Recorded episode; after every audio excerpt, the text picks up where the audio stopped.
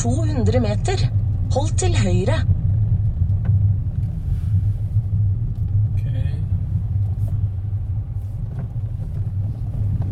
Ta til høyre. Ta til venstre. Fortsett rett frem. Ta til venstre. Fortsett rett frem. Ta til venstre. Ja. Fortsett rett frem. Ja, ja, ja. Om 150 meter, ta til venstre.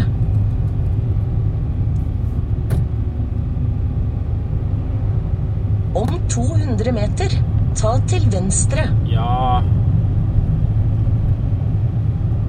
Om 300 meter, ta til venstre. Ja. Om 400 Oh meter, oh ta til venstre. Om 300 meter, ta til venstre. Ja.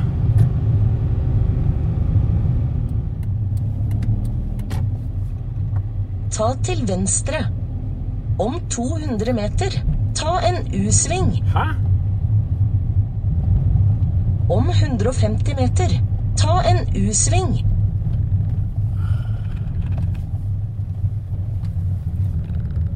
Fortsett rett frem.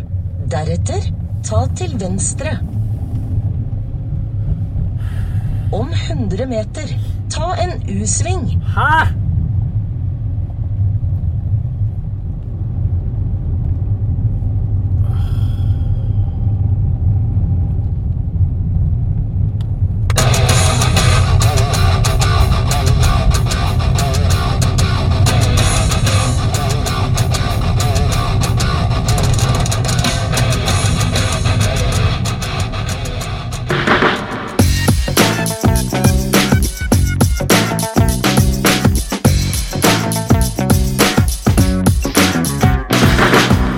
Du hører på Psykologlunsj, populærvitenskapelig lunsjprat med psykologene Tommy, Jonas og Jan Ole.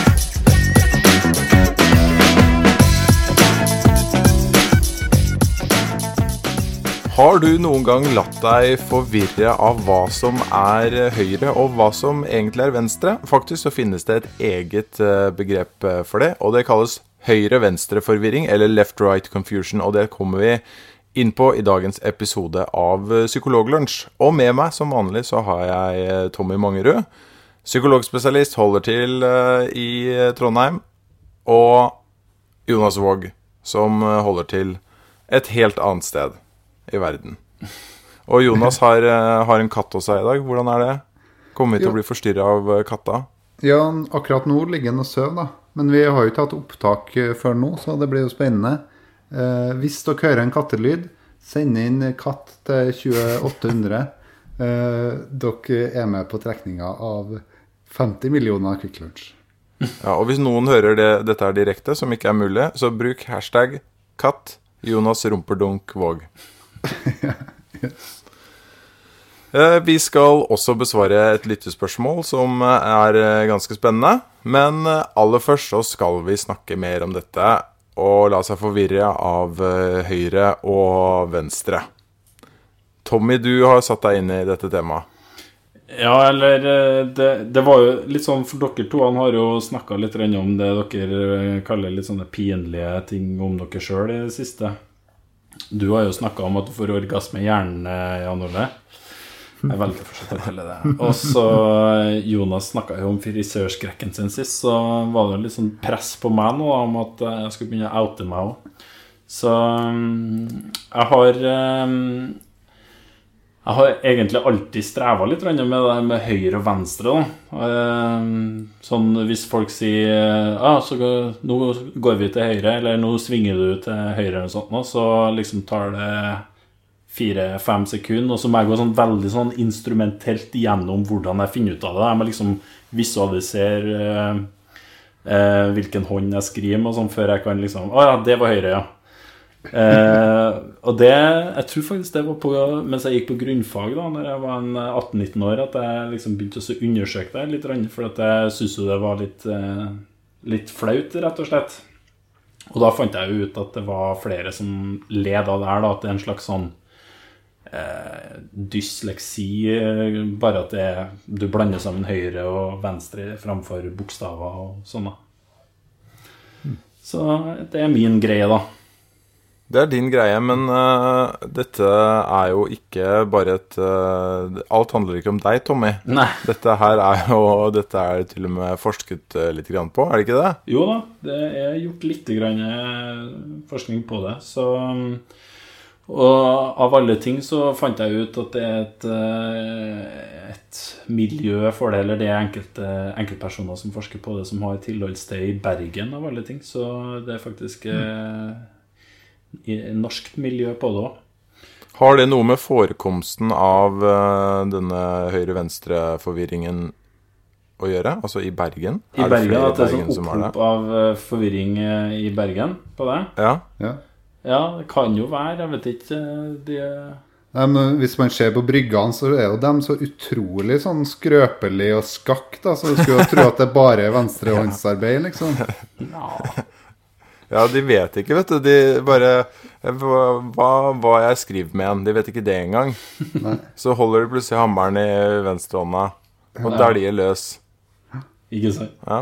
Nei, men, men fall det som jeg, det som jeg fant ut, da, det var det at det, det her er en ting som Altså, en kan skille litt sånn mellom to eh, varianter der. Det ene er jo sånn Det er en ting som folk befinner seg langs et sånt kontinuum, da. Det, noen er utrolig dyktige på å skille mellom høyre og venstre, og noen er dårlige på det.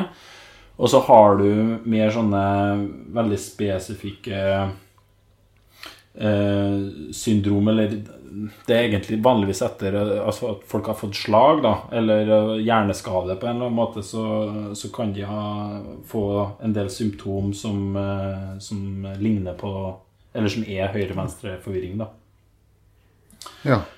Så det kan være både, både medfødt, men også etter en sånn erverva skade, liksom. Ja. Eh, Sånn er det jo med veldig mange forskjellige fenomener. Også det med å slite med å kjenne igjen ansikter, prospagnosi, som det heter. Ja. Så, så er det jo noen som er slitt med det sånn helt naturlig, og andre som mister den evnen til å kjenne igjen ansikter når de eh, får et slag eller eh, en blødning, f.eks. Ja. eksempel. Så eh, og når, hvis du får Altså, det er, et, det er et spesifikt syndrom som heter for Gerstmanns syndrom, eh, som er da en beskrivelse av personer som har fått eh, Altså det er en nevrologisk lidelse da som eh, kan oppstå, som jeg har forstått det, etter f.eks. slag og sånt. da.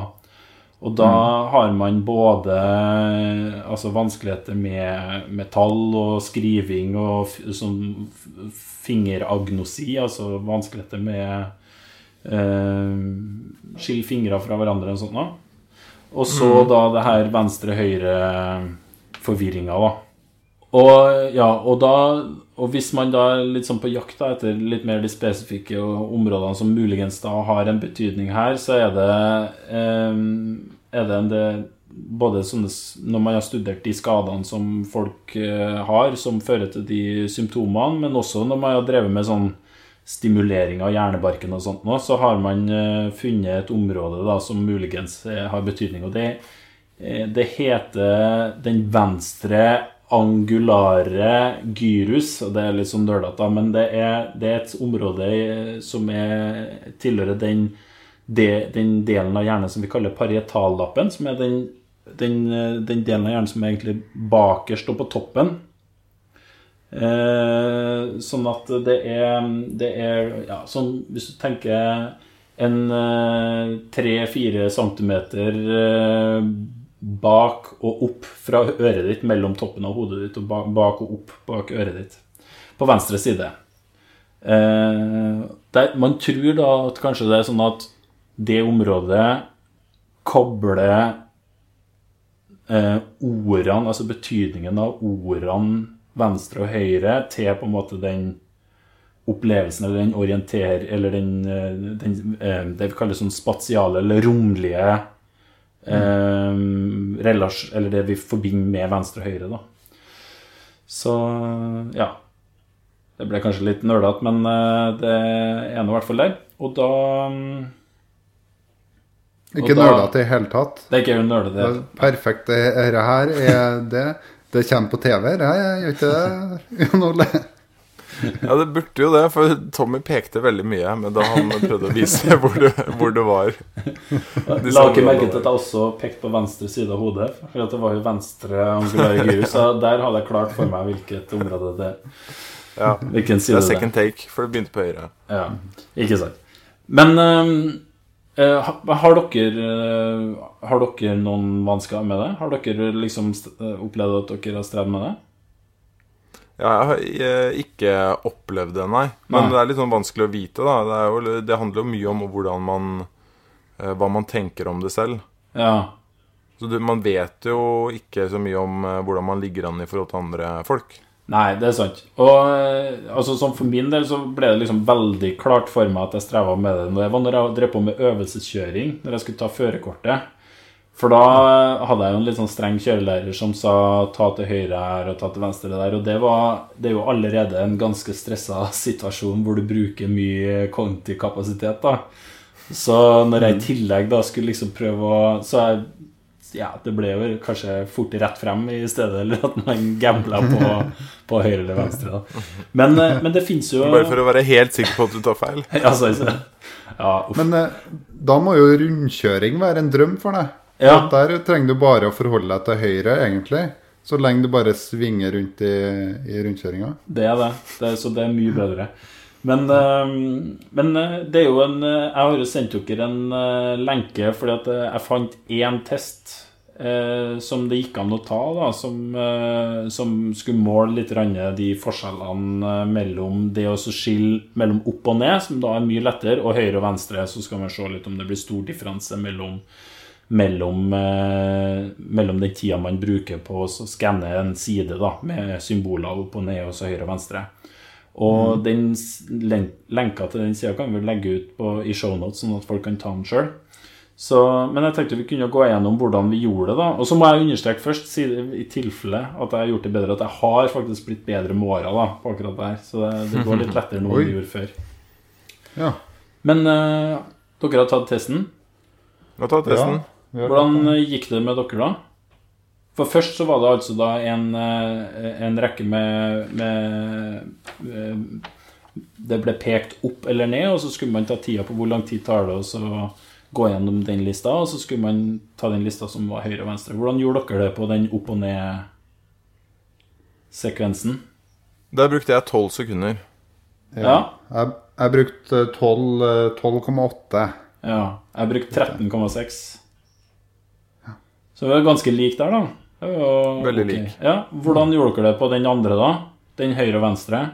Uh, der hadde jeg 16,5. Ok, Jan Ole. Jeg b- brukte 18.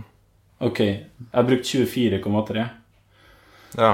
Så det var i hvert fall uh, heldigvis eh, dårligst av oss tre nå, siden at jeg har sagt at jeg er litt dårlig på det. Men eh, Ja, så Og det kan, man kan jo si litt om den testen, for den sånn spesielt Den, den ja.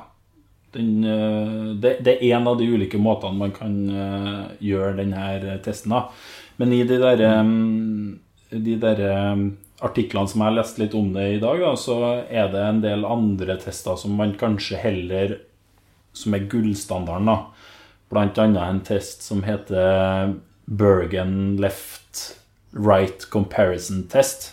Som egentlig er en rekke med strekfigurer da, som enten er vendt med ansiktet mot deg, eller med bakhodet mot deg.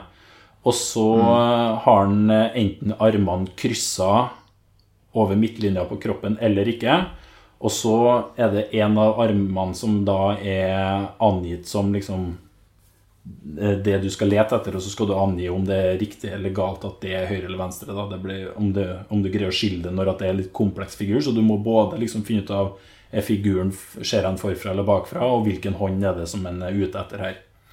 Um, det som da, da har vært litt sånn uh, diskutert i litteraturen, da, den, den uh, litt beskjedne litteraturen som er på det, det er for at det seg at det, menn gjør det litt bedre enn kvinner, ser det ut som, da. Og da er, det, da er man litt usikker på om er det er fordi at kvinner er dårligere på venstre og høyre, eller er det fordi at menn er bedre til å rotere objekter i hodet mentalt? Eh, og da var det litt det- sånn både og på det, da. For akkurat det du sier der med sånn eh, rotering av figurer, i hvert fall i tredimensjonale rom, Mm. så er jo det Det er jo en av de kjønnsforskjellene man finner eh, Ja. som er ganske store, da, Ja. på sånne tester. At, eh, at menn gjør det bedre på akkurat det. Ikke sant? Men til og med det, det var noe av det noen, En annen artikkel jeg leste, der man har forsøkt å korrigere litt for det, så, så forsvant litt den, eh, den så, så man er litt usikker da om det er en kjønnsforskjell der eller ikke. Mm. men det er jo en annen ting. Vi vet jo at det her med, generelt det her med romlige forhold er noe som det er, en del litteratur på at det er kjønnsforskjeller på. Ja. Men du er litt sånn interessert i hvilken praktisk betydning har dette her for deg sånn eh, ellers. Er det sånn når du skal ha på deg dieselhansken din, f.eks. når du skal fylle eh, diesel på bilen? Er det sånn at du tar opp hansken, og så tar du den på feil hånd? Og så å, Opsi! Ja, og så er det, er det sånn? Ja, det, Jeg skjønner jo at det der var en en litt sånn eh, jovial spøk, Jonas, men for å være kjempeærlig på det, så er jo ikke det et problem. fordi at eh, da, Jeg vet jo hvilken hånd som er min dominante hånd. Men eh, okay. spesielt det der med, med retningsangivelser, da, hvor man må tenke litt fort, det er vanskelig. Ja. Så Men blir det sånn sånn Å, pass deg! Det kommer, det kommer en, eh, det kommer en eh, øksemann på din venstre side, så er det da, ja. Men aerobics og Ja, det... du det- skal ta Det er klassisk. Hvordan er, hvordan er det med step-timene, liksom? Ja, Er det, er det vanskelig for deg? Du, jeg, jeg glemte å si fra til at han, han Adil i det Adils eh, hemmelige dansere kommer nå eh, til uka oh, ja. og skal spille inn program med deg som leder, og, og vi skal Ah. lære oss noe ordentlige dansesteg. Mye høyre og venstre og breakdance. Akkurat. Ja, men det ser jeg fram til. Det blir bra. Jo. Men eh, en liten sånn kuriositet, da, så, så fant jeg av en eller annen grunn Jeg, jeg rakk ikke å lese den eh, artikkelen sånn kjempenøye, sånn at, eh, men jeg tror jeg forsto den riktig eh, med det lille jeg leste. Eh, du kan jo alltid spørre hvorfor i all verden har noen testa det, men eh, det har altså da funnet en eh, svak sammenheng mellom eh, magisk tenkning og høyre-venstre-forvirring hos kvinner, men ikke hos menn. Så det vet jeg om det var i all verden det har med hverandre å gjøre. Men eh, ja. Jo, men det, Mer, mer, mer forskning trengs, for å si det sånn. Det er derfor Det, det, er, det har jeg lagt merke til på Åndenes makt. Det er sånn, hver, hver episode så er det sånn eh, er det sånn, Ja, da går vi inn til høyre her, og så går, eh, går vedkommende som, som er medium, går inn til den andre døra. ja, det må Ja, du, du, det bare ga automatisk eh, masse mening til deg, Jonas. Ja, det gjorde det. Ja. Det gjorde det, altså. Det er bra. Yes, nei, men Så da vet dere det. Men uh, jeg vil jo si at det var uh, Det var ikke sånn veldig sånn personlig og sårt, det der, uh, Tommy. Nei, du vil Det ha var, mer? det var litt tamt. Jeg, jeg sliter med høyre og venstre. Men jeg har blitt mye bedre, og det har ikke noen praktiske konsekvenser. Det, Det sånn, det duger ikke. Du er fortsatt ikke frikjent. ja. Ja. Det, det er din tur neste gang likevel. Vi fortsatt neste gang òg. Det var derfor Jonas prøvde å kombinere det med dieselhanskene dine. Jeg skjønner. Ja. Ja. Ok. Ja, fordi, fordi jeg kan si det, jeg kan si det fordi at du, du dumma deg ut når du skal kjøre opp på høyre-venstre og sånn. Jeg dumma meg ut fordi at jeg, jeg strøk på førerprøven fordi at jeg kjørte for sakte. Du, Nei, vet du hva, Jonas? Det, det holdt jeg også på å gjøre. Jeg holdt på å stryke på grunn av det. Jeg fikk, jeg fikk noe, jeg fikk noe sånn 30 enerfeil fordi at jeg kjørte for sakte. Og, og det, skal sies, det skal sies at eh, et halvt år etter at jeg hadde kjørt der, så ble fartsgrensen satt ned med 20 km i timen. Så du var liksom bare Du hadde sånn prekognisjon? Du, du visste før. Nei, jeg tror ikke det er det som skjedde i hele tatt. Jeg tror Jonas strøyk på oppkjøringa fordi at han hadde hatt sånn skrekk for å gå til frisøren, så hadde håret vokst. Så hadde det lagt seg nedover i øya, og han så ingenting. Og Jan Olav strøyk på oppkjøringa fordi at han derre sjåførsensoren han sa, sa masse sånn nerdete ting om, eh, om Ja. trafikkregler og, og sånne ting. Og Jonas Og nei, og Jan Ole bare fikk Nei. masse orgasme i hjernen. nei, men jeg kan, jeg kan fortelle dere sånn. Jeg satt hele turen, så satt jeg sånn Ja, det er viktig å kjøre litt eh, forsiktig. For jeg var, jeg var så redd for at jeg skulle ha framstått som han som bare skulle, når han var ferdig med førerkortet, bare skulle dra opp på nærmeste parkeringsplass. Det er ingen fare, Jonas, for at du blir tolka som den personen. Det er Ingen av oss havner i den kategorien. Så da, så da satt jeg sånn hele turen og trodde at jeg hadde sånn fin, jovial prat og alt mulig. Alt annet, annet gikk bra. Og så var det sånn, kom fram sånn Du kjører for sakte her. Så, og så fikk ikke jeg lov til å kjøre den eh, bilen som eh, kjørelæreren eh, hadde tatt, tatt med nedpå stasjonen sammen med Fikk ikke jeg lov til å kjøre hjem heller. Det var som straff, så kjørte hun, kjørte hun meg fram til døra sånn. Ferdig.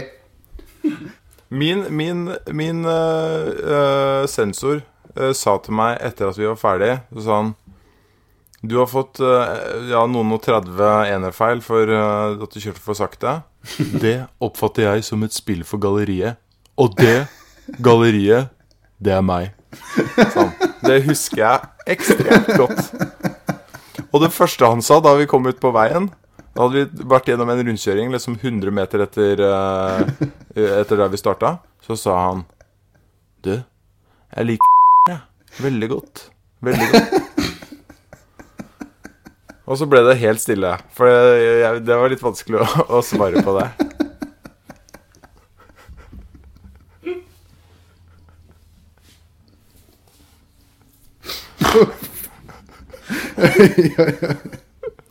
Åh.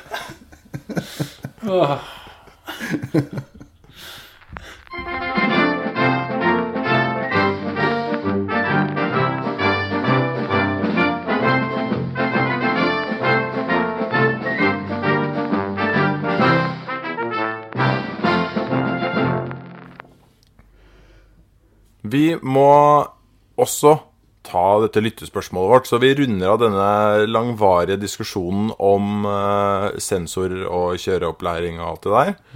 Og så flekker vi opp spørsmålet til Marina. Det er et ganske langt spørsmål, men vi leser det fordi det er eh, ganske interessant. Spørsmål til dere. Hvordan er sammenhengen mellom forbruk og etterspørsel i psykologenes verden? Får vi flere diagnoser jo flere psykologer og terapimetoder som finnes? Av og til har jeg samtaler med folk rundt meg som ber meg om råd om ting og tang. Som jeg i utgangspunktet ikke har kunnskaper om, fordi jeg bare er en average Joe eller Jane. Og jeg tar meg selv i å si dette er noe psykologene kan hjelpe deg med. Når vi plukker bort ord som depresjon, tidsklemme, angst, spiseforstyrrelser og ADHD, ligger ofte bekymringene rundt relasjoner, manglende mening i hverdagen og hvordan alle andre tilsynelatende ser ut til å lykkes. Med unntak av dem selv. Mine råd er, ikke, eh, er ofte ikke å sende dem til psykolog, eh, men i stedet å lytte, bekrefte, servere en kaffe eller en dårlig film. Tilby en klem og være tilgjengelig med et smil. Det ser ut til å hjelpe mange bra, selv om eh, de sier selv at de lider av depresjon og går på Cipralex også. Har vi for mange diagnoser, og problematiserer, problematiserer vi normal atferd fordi det som i dag anses som avvik, mangler nyanser? Kloke refleksjoner, det, fra Marina, vil jeg si. Det syns jeg òg. Absolutt. Og så det, det hun eh, i bunn og grunn stiller spørsmål om, er, eh, er det sånn at eh, flere psykologer gir flere diagnoser? Og er det sånn at uh, vi egentlig sykeliggjør eller begynner å overdiagnostisere befolkningen når vi får mange fagfolk inn på banen? Eh, Det er jo en diskusjon som ikke bare foregår mm, på folkemunne, skal du si. For at vi har jo et sånt diagnosesystem som vi bruker når vi da skal prøve å avgjøre og bestemme da hva vi mener er sykelig eh, og ikke sykelig. Og der har det jo vært en del diskusjoner eh, i forbindelse med den siste revisjonen da, av det diagnosesystemet, bl.a. det her med sorg. Eh, altså er, er en, er en eh, sorgreaksjon Er det en eh, psykisk lidelse? Er det en diagnose eller ikke? Så det er jo noe vi Der, der de, de som angivelig har peiling, også da reflekterer og diskuterer en del eh, akkurat det samme. Men det, det, er jo, det er jo i og for seg to spørsmål inne her. Det ene er Er det sånn at eh, når eh, vi får flere psykologer og terapimetoder, så blir det flere eh, diagnoser? Altså, eller flere som blir diagnostisert. Og så er det andre spørsmålet um, Er det sånn at eh, vi har for mange diagnoser? Er det, sykeliggjør vi for mange? Det er to egentlig litt forskjellige temaer. Så jeg Ja. tenker kanskje vi tar det første. Ok. Eh, hva tror dere? Er det sånn at når vi får flere psykologer, så er det også flere mennesker som får diagnoser? Jeg tror at eh, det kanskje kan være litt av det, men jeg tror nok at det er andre, andre faktorer som mest sannsynlig eh, i større grad gjør at eh, man får flere diagnoser, kanskje, enn eh, akkurat at det er flere psykologer, da. Så eh, det er jo sånn eh, det heng, De henger jo litt sammen, de her spørsmålene, selv om du prøver å skille dem, Jan Ole. Men, eh, for det er jo noe med det som jeg tror hun er litt innpå her òg, det her med at altså eh, Hva, hva liksom skjedde liksom med Er det ikke nok å gi en klem og lytte og være litt til stede for hverandre? Og hvor mye, hvor mye kan man godta eh, avvik, da, eller ting som er litt sånn uvanlig? Ja, fordi det hun spør, er jo om, man får, om det er flere som får diagnoser. Og- når, når, man, eh, når man da får flere psykologer eh, og flere og flere lavterskeltilbud, så vil jo nødvendigvis også flere få et tilbud. Og da også ende opp med en problemstilling, type diagnose, da. Mm. Men det trenger ikke bety at befolkninga er dårligere. Altså, Befolkninga er ikke sykere enn det som er utgangspunktet, men vi bruker da diagnosen som en form for å forklare problemstillinga på. Så at, eh, sånn at det trenger ikke eh, eh, Så psykologer tror jeg har en annen, et annet forhold til diagnoser enn det nødvendigvis man har innenfor somatikken. En diagnose er mer en problemstilling som, som beskriver på best mulig måte det pasienten kommer med av, eh, av, eh, av et problem, da. eh, Som er, liksom har noe til felles med andre som har vært med det, det type problemet før. Mm. Men så har man også sånn at man tar, tar utgangspunkt i pasientens egen problemstilling, klientens egen problemstilling. Så det blir liksom en del av utgangspunktet for terapien. Så at, jeg, jeg syns jo Marina hun tar jo opp at hun, hun sjøl Hun går ikke automatisk til det at hun sier at du burde gå til en psykolog. Men hun setter seg ned, er en, hun er en sosial støtte. Hun, hun liksom tar vare på vennen sin eller venninna si. Og det tror jeg et, det er et, det er et sunt tegn. Sånn skal man være hvis man er venner med noen. Da skal man, da skal man sette seg ned og lytte og bry seg om dem som man har rundt seg. Eh, og så vil jo altså det rådet om at du burde gå til en psykolog, en sånn kan komme senere. Først må man kanskje vite, eh, ikke avvise eh, det den andre kommer med. Det tenker jeg er en helt naturlig ting, det å snakke om vanskelige ting sammen med vennene sine. Jeg, jeg, tror, eh, jeg tror absolutt at det er sånn at når det kommer flere psykologer, så vil du også få flere diagnoser. Jeg tror ikke det er den primære eh, drivfaktoren til at vi får eh, flere diagnoser. fordi det er jo også en grunn til at det dukker opp flere psykologer. eh, som eh, jo er en indikasjon på kanskje at det, man føler at det er behov for det. Så kanskje kommer diagnosen også litt i forkant.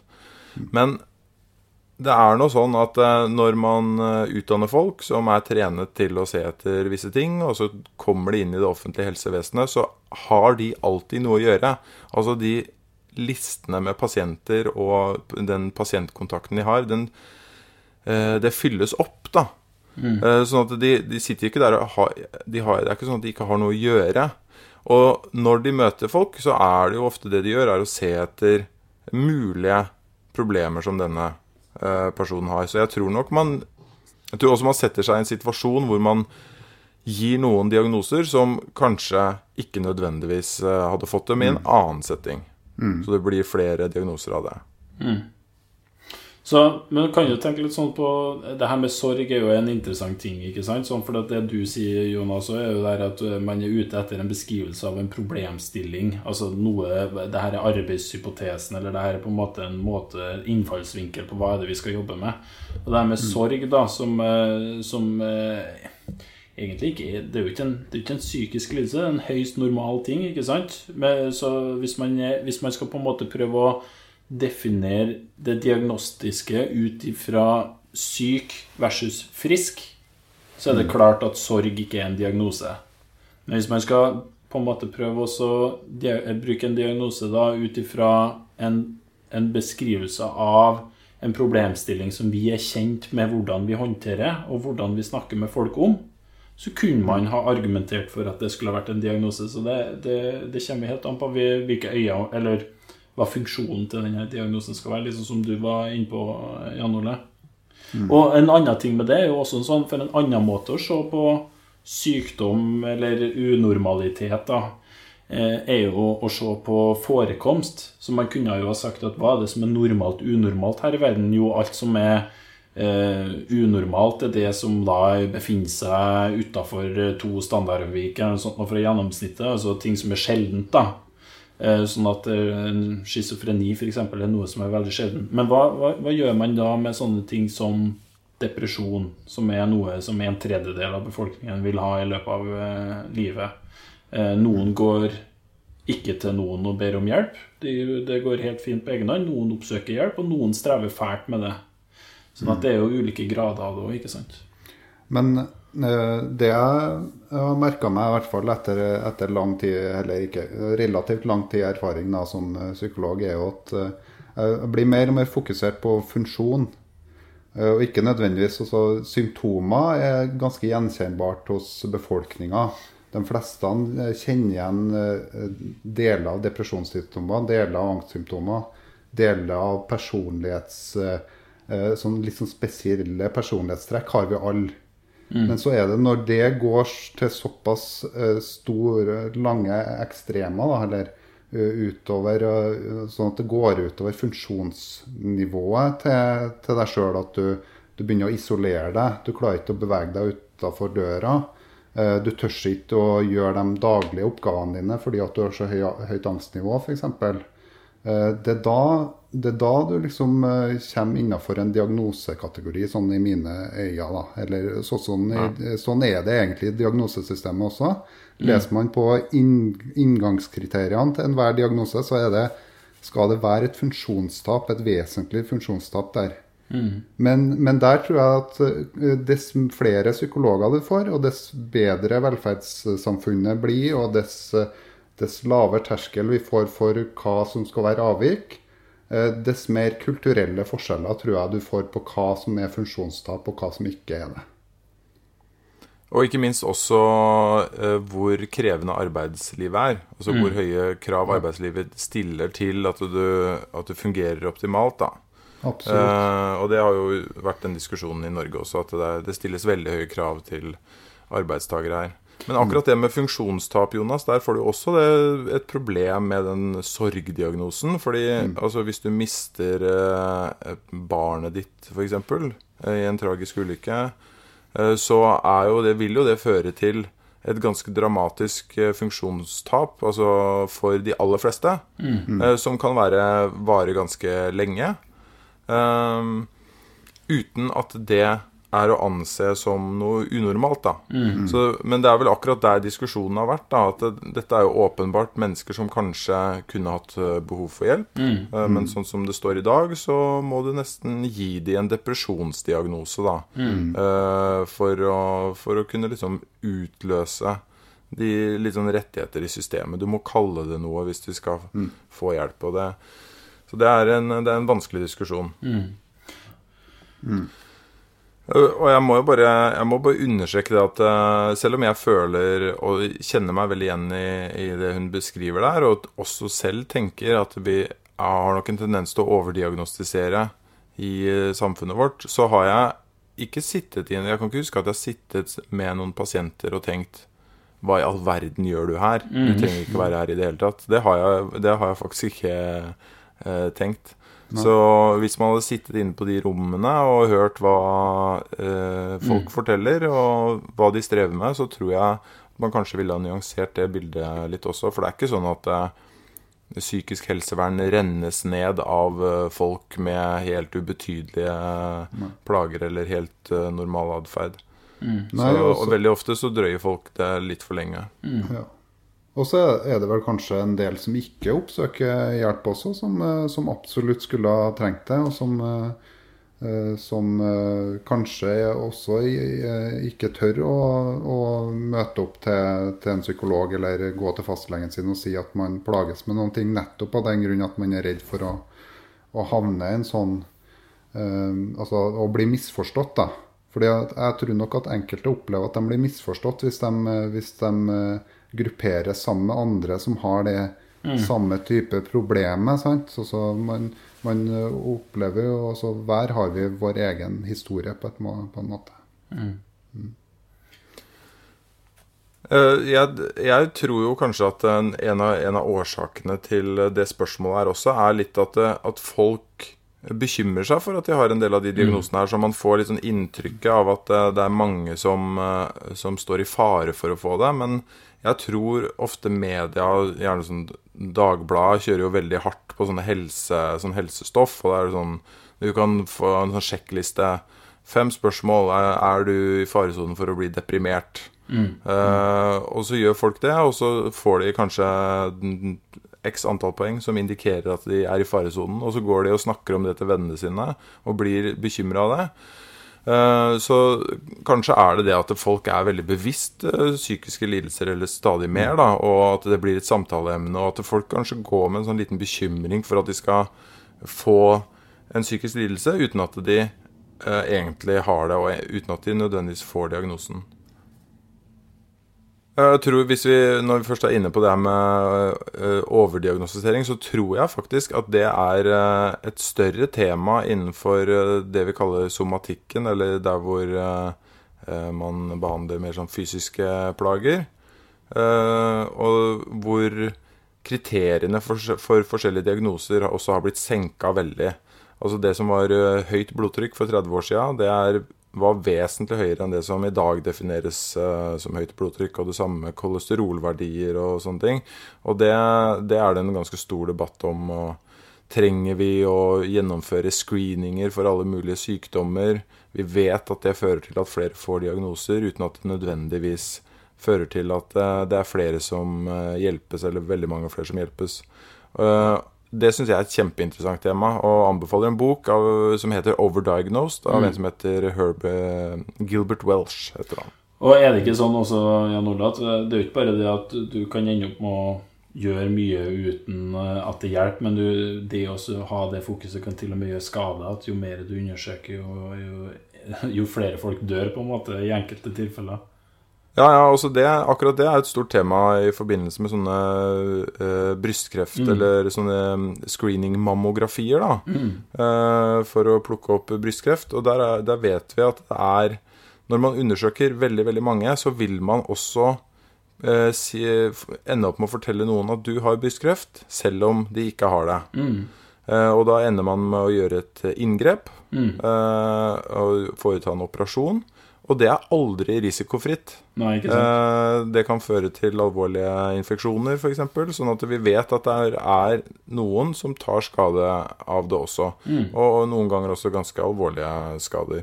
Sånn at det, det, er, det er ikke problemfritt der i det hele tatt. Nei. Så det er et, et stort og interessant tema, og noe som også er vektlagt i egne offentlige rapporter i, eh, her i Norge, da. Så mer er ikke nødvendigvis bedre bestandig. Nei, ikke alltid, altså. Nei. Da foreslår jeg at dette var jo en, eh, også en diskusjon som uh, skled litt ut. Men det var mange gode poenger der. Du må bare høre det flere ganger for å få med deg alle sammen i det kaoset uh, når vi prater. Yes. Da er det to uker til neste gang ca. cirka. Hei så lenge.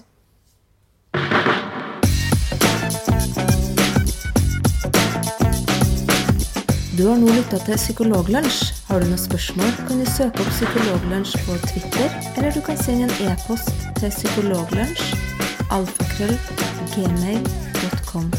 Mer informasjon om temaet du har hørt i dag, finner du på psykologibloggen.no og tankesmed.no.